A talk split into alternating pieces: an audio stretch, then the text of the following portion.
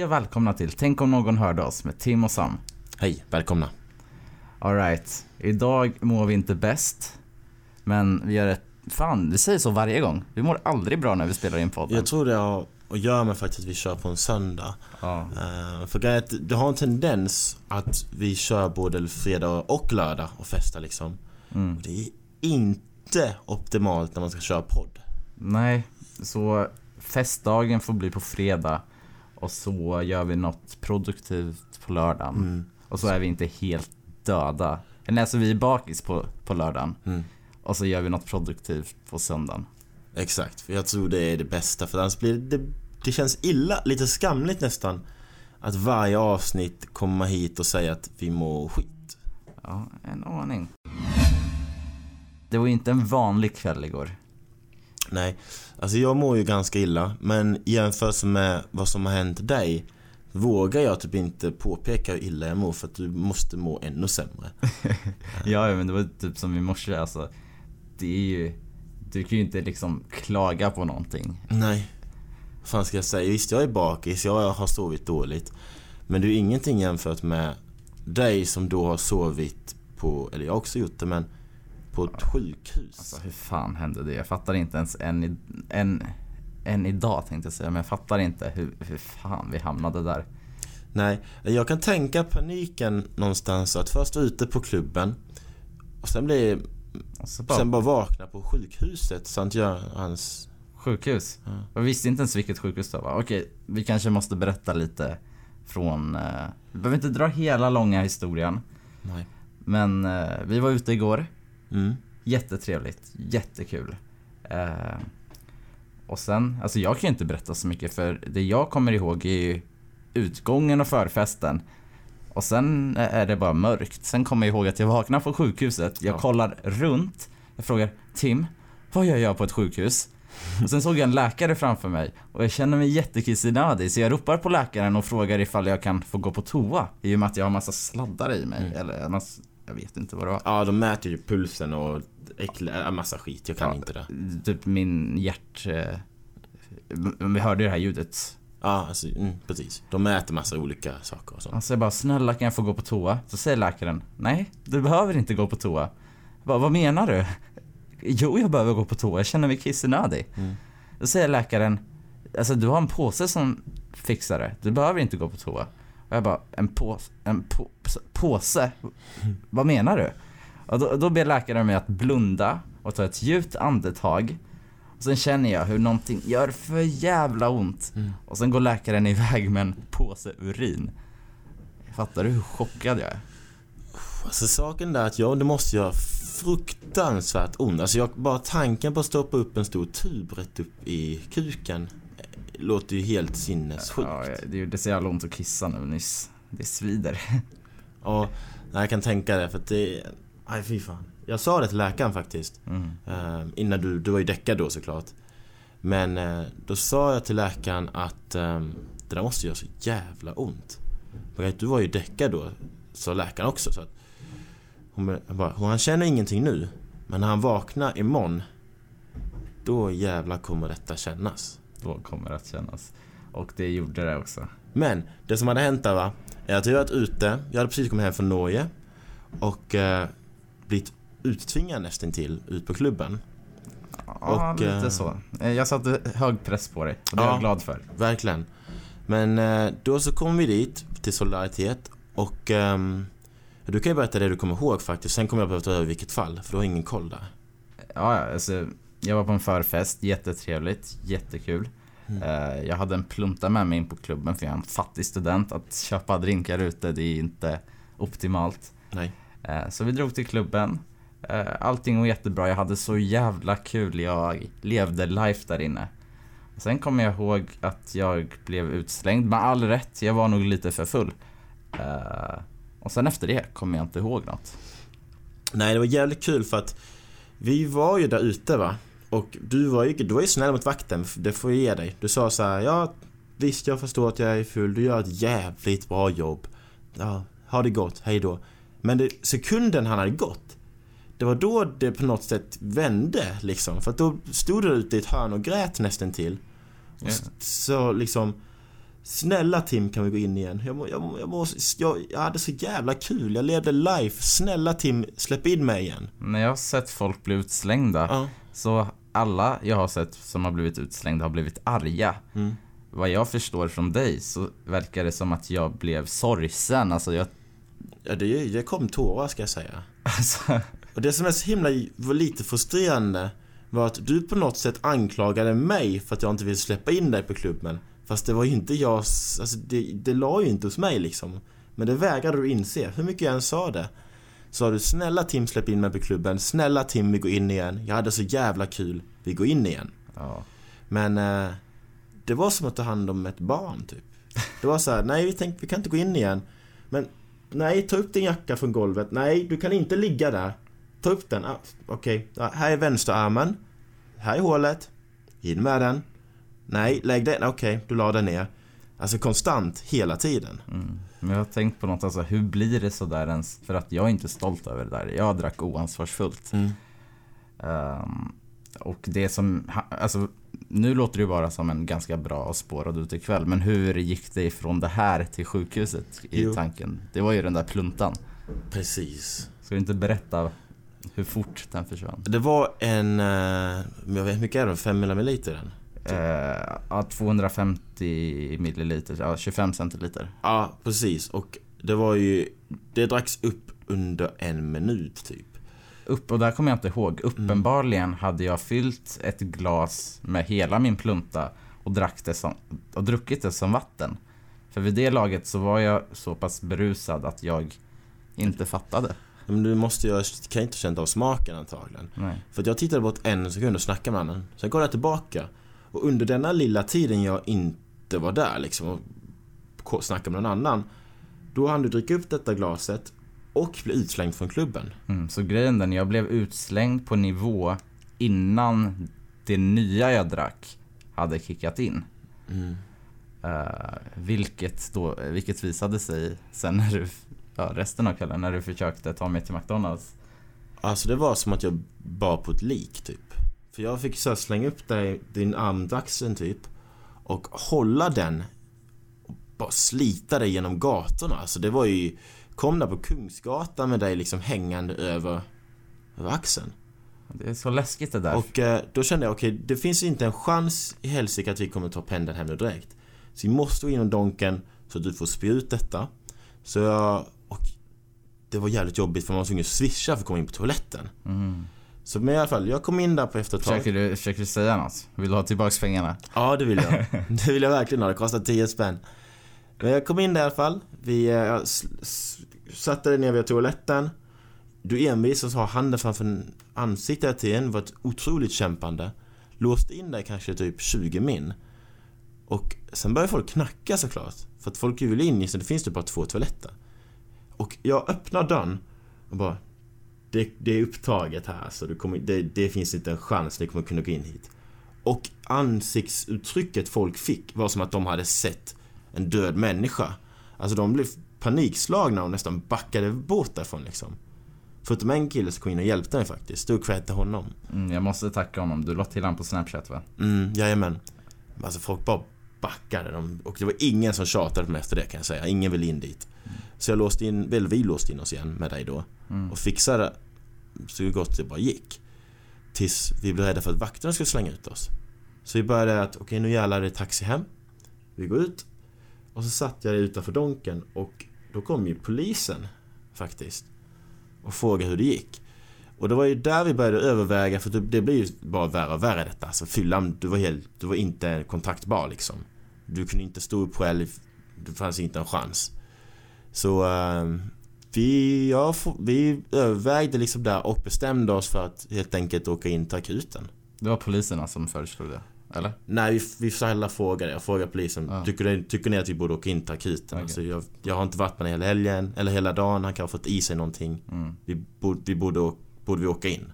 Och det var de som skjutsade oss. Och då sa de, ja vi kan Ni får åka hem med oss i sådana fall. Och så åkte vi in Och ehm, där blev det tre timmars jobb liksom typ. Två timmar typ. Med uppvaktande och allt möjligt. Mm. Tog en massa runt din mun och allt vad du gjorde. Ja, men alltså grejen den, ja det var väl historien kort och gott i alla fall. Mm. Men tankar kring det. För det första så, jag blev så tårögd typ. Ja. Eh, på sjukhuset för att jag som vuxen, alltså folk hade tagit hand om mig. Jag hade varit, jag, jag var inte medveten. Nej. Du hade tagit hand om mig, släpat mig över hela stan. Mm. Du hade tagit, du såg till att jag, alltså du lämnade inte mig, du såg ju till att jag tog mig först i Donken och sen att, visst du är min bästa vän, det kanske man kan förvänta sig lite, men sen att människor som inte känner mig, Mm. den här människan på McDonalds som skulle hjälpa mig och som du sa att han skulle, försökte få mig att spy. Han var väl eh, sjuksköterska. Ja, han sa det. Jag Ja. vet inte om... Han, ja, jag, han sa det i alla fall, så jag antar det. Ja men att bara någon random får för sig att hjälpa en full människa. Mm. Jag blir varm i hjärtat av det. Och att systemet ändå backar upp mig. Hur klantig och hur oansvarsfull och hur mycket mitt fel det än är. Mm. Så kom ändå poliser och ställde upp dem, skjutsade oss till sjukhuset. Väl på sjukhuset så tog de hand om mig. Mm. De gav oss juice och wraps sen när vi vaknade. Och eh, ja, jag blev omhändertagen. Alltså när vi lämnade sjukhuset så var jag väldigt noga med att alltså, jag skulle träffa varenda läkare som hade tagit hand om mig och eh, jag behövde tacka dem personligen. Ja, jag har inte förstått det men det är, så, det är en jävligt fin grej som vi ska vara stolta över. Med samhället, det backar ju upp varandra när det verkligen behövs liksom. Och det var ju skithärligt verkligen. Och jag, och jag fick, behövde inte betala någonting. Nej. De var, de var skitbra där verkligen. Kan du tänka dig liksom, jag, jag, skäm, jag skäms lite. För att jag har blivit så omhändertagen. För att jag drack för mycket. Mm.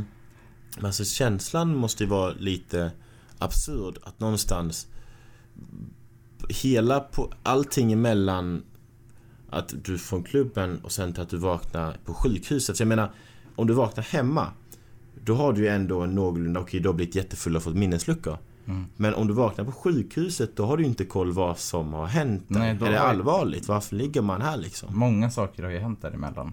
Mm. Och då det är, vara vad som helst. och då är också frågan, hur blev jag så full? Mm. Alltså kan, så har jag tänkt med mig själv. För att jag brukar ju inte, jag har ganska bra kontroll i vanliga fall. Mm. Vilket också kan leda in oss på någonting djupare.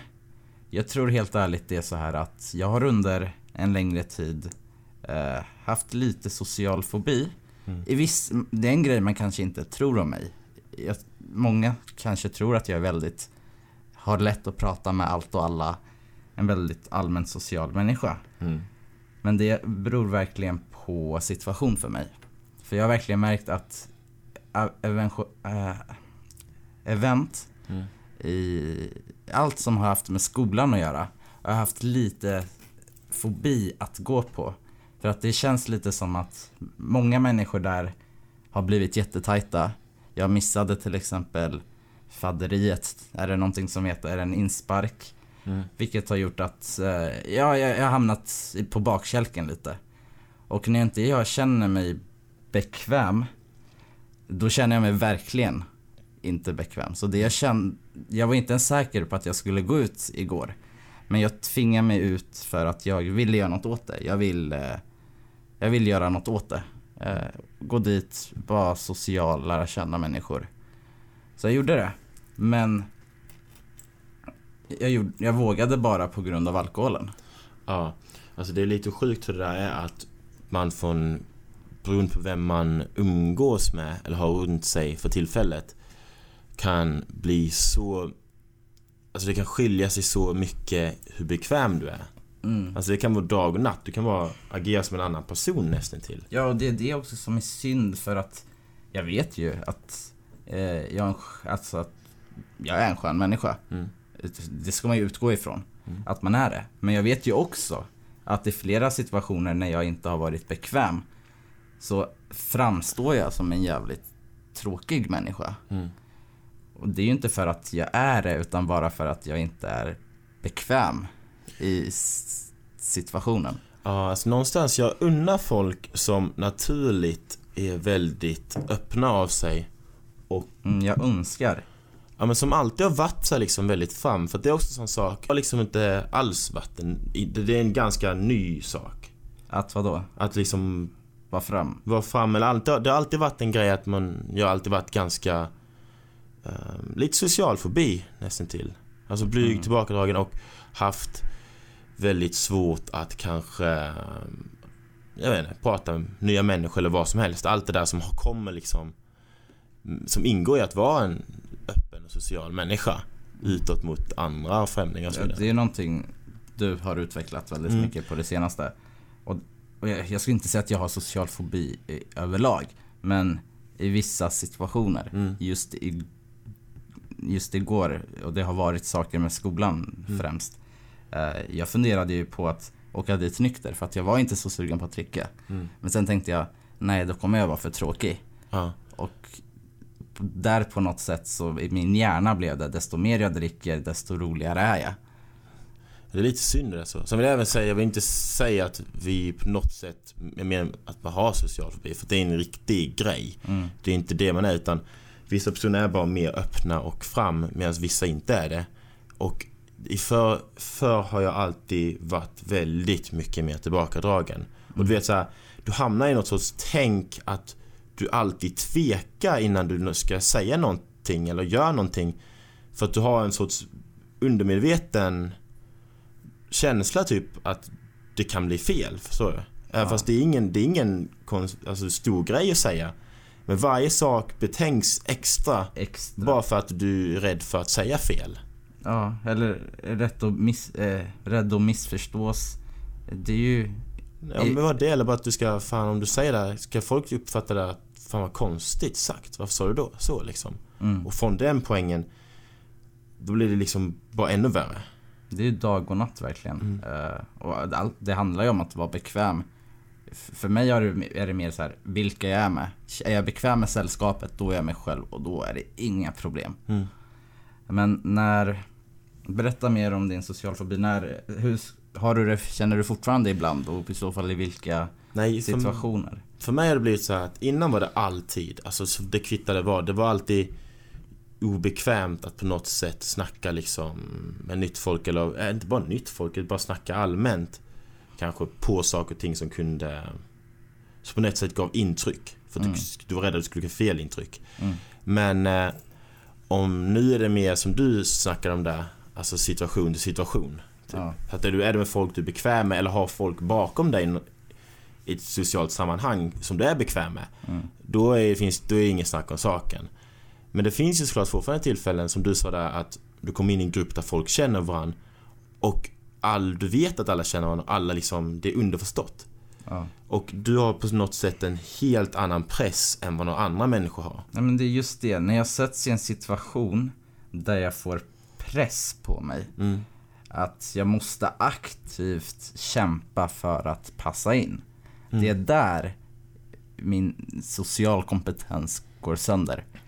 Ja, för jag får en känsla av att folket man, vet, detta kan inte är så, men jag får känslan att folket man snackar med när man kommer in i en sån grupp har något sorts en sorts förväntan att du ska vara väldigt kul att snacka med. Alltså direkt. Mm. De har ju höga förhoppningar på dig för att det känns lite som att du på något sätt måste förtjäna att få vara med i den gruppen. Precis, och det är ändå förståeligt. Varför skulle de välja att hänga med någon som är tråkig? Mm.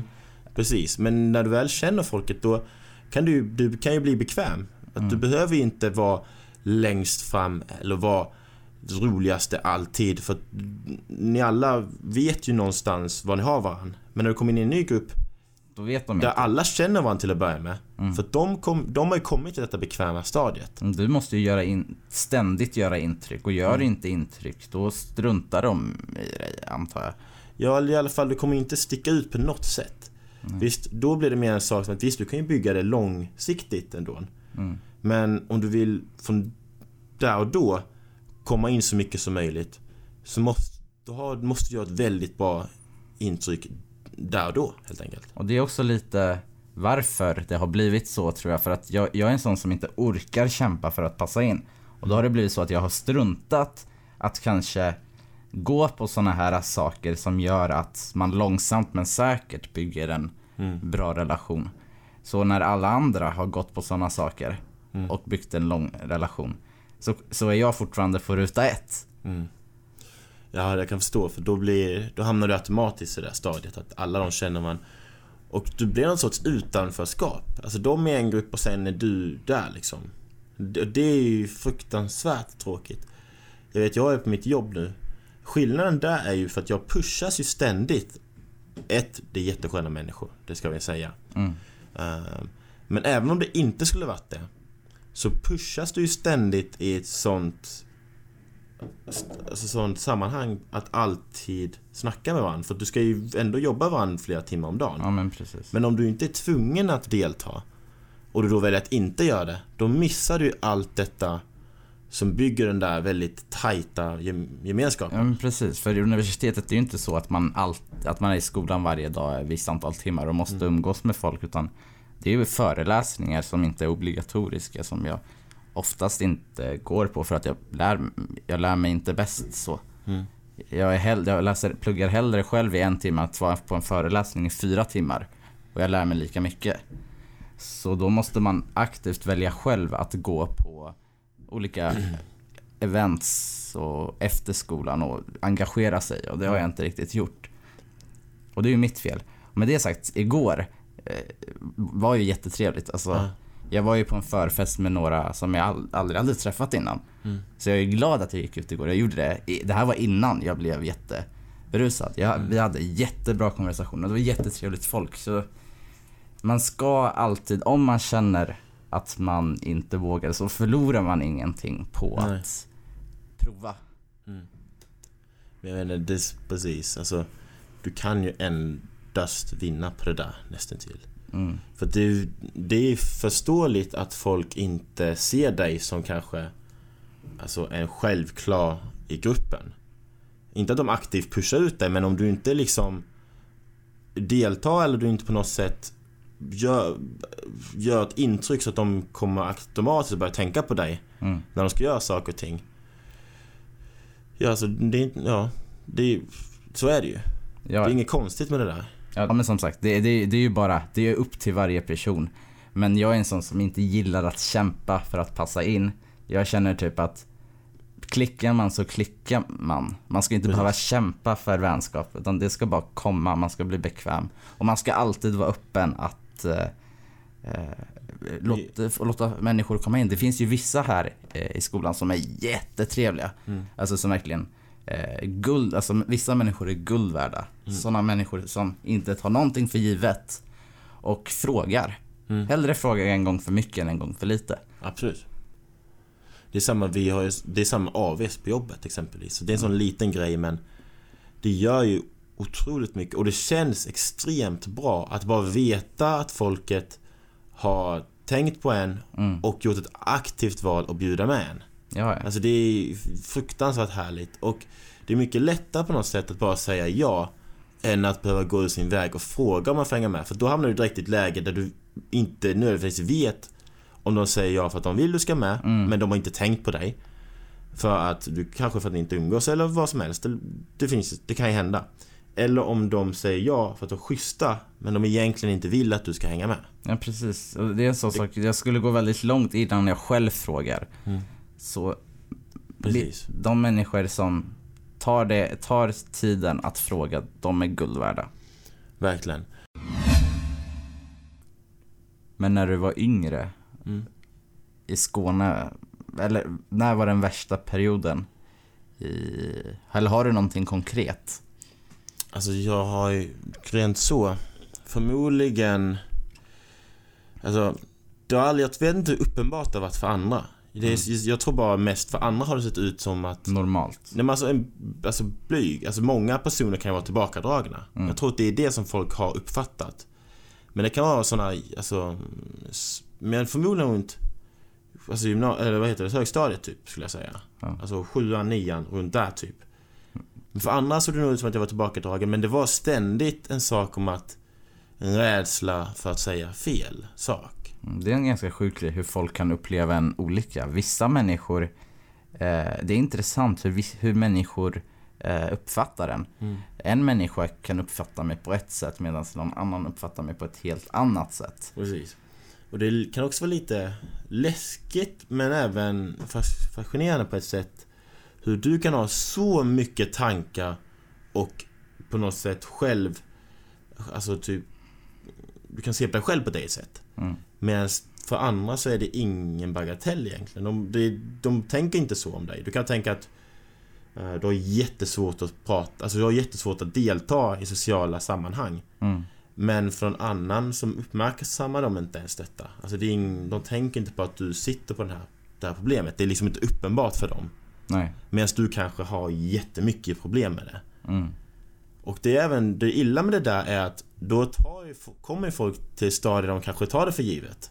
Mm. Ja, den där människan han är ju så social så... Mm. Han är kanske, han, är, han, han snackar inte för att han är kanske tillbakadragen, han vill kanske inte hänga med. Han känns ju inte som en festtyp. Typ. Han är klart han inte vill hänga med. Nej, man ska nog alltid fråga. Om det är någonting man kan ta med från det här avsnittet så är det Tänk efter och fråga människor. Mm. Alltid. Men jag tänkte även på en sak där med fråga. Ehm, visst, folk frågar ju inte. Det många som jag kan tycka skulle kunna fråga, men som inte frågar. Um, alltså inte, du måste inte nödvändigtvis vara att vi är kompisar, men folk som jag klickar med som hade de frågat hade jag hängt med och vi hade haft jättekul. Mm. Men med det sagt, jag har även många som jag inte frågar. Så, och tanken som jag tänker på ibland är att Tänk om de sitter där hemma och tänker exakt samma sak. Varför frågar inte Tim mig om jag ville hänga med ut till Solidaritet? Varför frågar inte han mig om vi ska ut till Colosseum eller ta en öl? Medan för mig, det har aldrig slå, tanken har aldrig slått mig. För att jag, det är ingenting som jag tänker att den personen förväntar sig. Mm. De sitter inte där hemma och förväntar sig att jag på något ska skriva eller ens tanken har slått dem. Ja, det är svårt. Men det kan ju vara så. Det kan vara så. För jag har ju folk som jag tänker att fan, det hade varit jävligt kul om du hade skrivit. Ja, ja. Inte för att jag måste festa, men jag hade definitivt sagt ja. Mm. Om du hade skrivit något. Mycket potential som eh, kan gå förlorad Mm. om man bara antar saker. Precis. Så det skadar ju inte, som du sa, fråga en gång för mycket än en gång för lite. Jag tänkte på en sak eh, angående det här. Alltså det är en viktig förmåga som man tränar på, tror jag, hela tiden, rent socialt. Det är att kunna, eh, alltså det är en konst att kunna visa folk hur man känner sig. Mm. I alla sociala sammanhang så gör det ju eh, intryck hos folk. Mm. Du vill ju att de här intrycken ska vara eh, i lik, ska vara det du känner. Om du känner dig cool, Mm. då kanske du inte vill ge intrycket av att du, in, att du, en, att du inte är cool, vad det nu betyder. Förstår du vad jag menar? Ja, men alltså, du vill ju såklart, du vill ju visa, du vill ju spegla den synen du har på dig själv. Ja, älskar jag mode så vill jag ju på något sätt spegla att jag är en modeintresserad person. Precis, exakt. Och det mm, Det kräver, det som sagt, det är någonting man tränar på ständigt, att göra det. Det är likadant som grundläggande saker som att um, Känslor är en sån typisk grej tycker jag. Det, är, det är lite grann så här att det ligger i samma eh, bollplan på något sätt att kunna uttrycka sig eller föra sig på ett sätt så att du kan framföra det som du känner. Antingen känslor som du känner men även som du sa där hur du känner dig som person. Mm, precis, och det, det är svårt faktiskt att komma på i, rent spontant i konversationer vad man ska säga så att det blir rätt. Och med rätt menar jag att det speglar vad du känner. Ja, men tänk så här, Att du det- speglar vad du faktiskt vill säga. Mm. Du har ju ofta detta att du i efterhand skulle kunna gå tillbaka och byta ut ja. ord och sånt. Åh ja! Så att du ska kunna göra ett mycket bättre intryck. Så många gånger när Mm. jag har haft konversationer med folk. Mm. Sen går jag hem, ligger där i sängen och sen tänker jag tillbaka på konversationen och bara varför sa jag så? Jag Mm. önskar nästan att jag kunde skriva och du förresten, fast det går ju inte, det är Det jättekonstigt. kan du inte göra. Men tänk om man var så duktig att du hela tiden kunde säga, inte, inte Det- det, man rätt vill. sak, Det men du kan säga någonting så att hade du lyssnat tillbaka på det hade du alltid varit nöjd med hur du hade fört diskussionen eller hur du hade uttryckt dig hela tiden. Ja, och det handlar inte om att uttrycka sig rätt eller fel utan det handlar bara om att man, man säger någonting men det man säger är inte det man ville få ut. Mm. Och sen ligger man där i sängen och bara, så här hade jag ju kunnat säga det. Då hade personen verkligen förstått vad jag ville säga. Precis. Men frågan är vad det är så beror på för att Det är antagligen för att du inte kommer på saker där och nu. Men eh, det känns ju konstigt samtidigt att du på något sätt inte skulle kunna plocka fram det som du känner för att du, du, du vet ju vad du känner menar jag. Och du kan ju, du har ju ordförrådet för det. Fast många gånger, en, en typisk sån sak är när folk ställer ganska simpla frågor Mm. och man drar ut på det. Alltså man lyckas inte förklara, man lyckas inte svara på frågan. Det kan bara handla om om jag ska återberätta någonting jag har gjort. Mm. Jag hade kunnat hålla det kort Mm. och koncist. Men istället så drar jag ut på det jättemycket tills det blir ointressant och sen tänker jag i efterhand, alltså facepalmar jag bara och jag hade kunnat säga det så mycket bättre. Ja, någonting som jag ofta ser på väldigt smarta människor. Mm. eh, jag vet inte, Barack Obama är också ett väldigt bra exempel på detta. Mm. Att han pausar ju Ja. hela tiden när han snackar. Så han säger någonting, sen väntar han. Och sen avslutar han resten. Jag vet exakt och däremellan tänker han liksom antagligen på hur han ska uttrycka sig korrekt. Mm, mm. Och det är det som man egentligen borde ta, ta efter kan jag tycka. Kanske i alla fall ta lite lärdom av det. Eh, Jag tänker ju att mitt ex var verkligen en sån här person. Och jag känner några, jag känner, jag vet verkligen vad du menar. Folk som, ofta så pratar de inte jätteofta. Nej. De pratar inte jättemycket. Men när de väl öppnar sin mun, då vet de exakt vad de ska säga. Mm. Och hur de ska säga det. Men det är ändå lite tråkigt på något sätt. För jag tror ändå en sponta, spontana ord är lite en del av ens personlighet. Ja, för att det som är så charmigt med när du bara pratar rätt ut är att det är inte betänkt på samma sätt utan det kommer ju så snabbt på ja, spontant helt enkelt. På det som du, Mm. Det du är lite- reagerar på vad personen säger och det som du tänker just då spontant på detta. Det är lite fint och det kan vara sött liksom om någon säger någonting fel. Eller om någon ofta eh, förväxlar två ord. Jag kommer ju aldrig på till exempel, ex, till exempel vad ability Mm. är på svenska. Mm. Och det kanske är en del av mig. Precis. Att jag inte gör det. Eller att jag kanske stammar ibland. Men det går ju en skillnad emellan att eh, kunna uttrycka sig så man känner. Mm. För det är en sak som jag har väldigt ofta. Att jag på något sätt trillar på det som man försöker säga. Mm. Det blir som att du letar ständigt efter det ordet som ett ord helt enkelt. Ehm, och på så sätt antingen säger fel Mm. eller har, inte problem ska jag inte säga, men det blir väldigt tydligt att du sitter och letar efter någonting när du snackar liksom. Och det är något som ständigt händer mig när jag ska säga någonting rent spontant. Här. Ehm, och visst, det är, jag antar att det är en personlighetsgrej också. Men eh, det är en sån grej som kan vara lite jobbig. Jag kanske borde ta över efter Barack Obamas stil istället. Och stanna, tänka, köra. Ja, lite så. Låta Så- mer intelligent. Så länge det inte blir eh, överdrivet. Mm. Du, du, får- för det kan ju... Min personlighet är ju inte väldigt, eh, eh, väldigt, vad ska man säga? Nu händer det. Den Avvaktande. Inte i sitt- i sitt sätt att korrekt. Jag är inte så korrekt av mig. Jag är väldigt spontan och eh, väldigt lullig. Mm. Väldigt flummig. Ja. Så det är inte likt mig. Jag skulle inte stanna upp, tänka och sen behöva säga korrekt, använda rätta ord. Det skiter jag fullständigt i. Men jag vill att det jag väl säger ska representera den som jag känner mig som. Den jag identifierar mig Precis. som. Och du ska kunna lyssna tillbaka på sakerna och känna, ja men det där håller jag med om.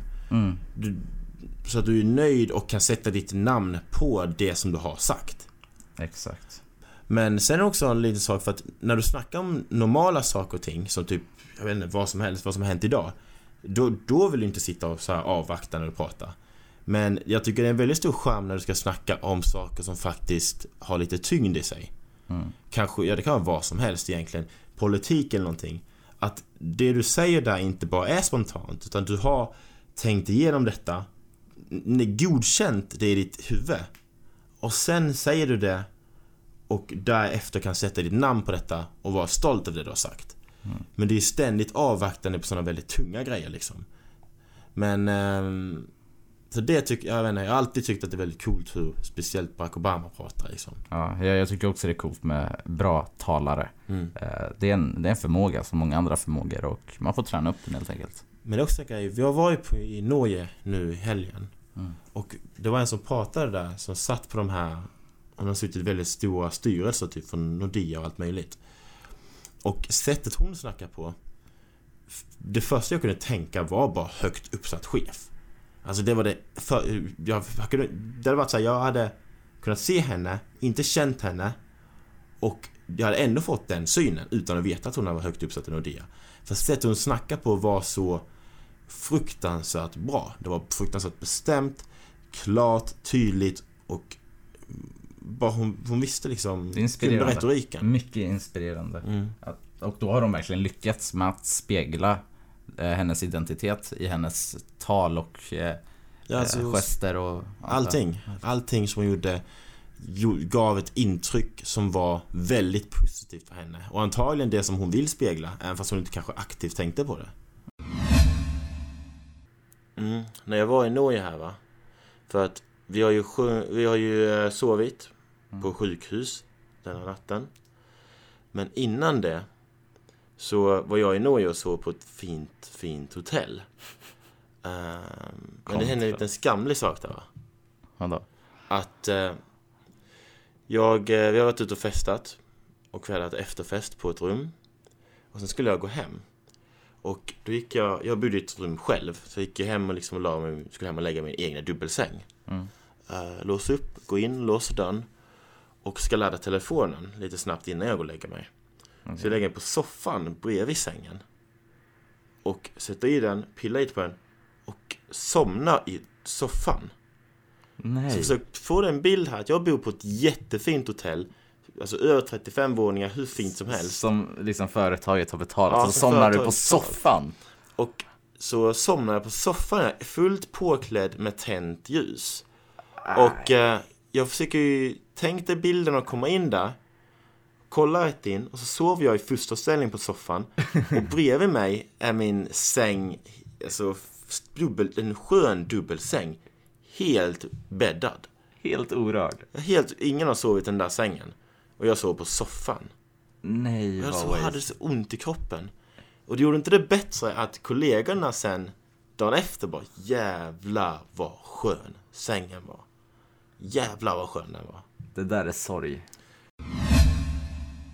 Eh, Jag måste få be om ursäkt ifall det här avsnittet blev lite luddigt. Vi lovar att eh, förbättra våra rutiner gällande podden så att vi är mer fräscha i huvudet när vi spelar in. Vi kör en eh, nykter, nykter dag i mitt i helgen. Och där kommer vi då vara beredda för att köra podden. Vi ska ta det till nästa nivå helt enkelt. Så eh, då hoppas jag att eh, ni har en fantastisk vecka och eh, så hörs vi. Det gör vi. Tack. Tack. Hej.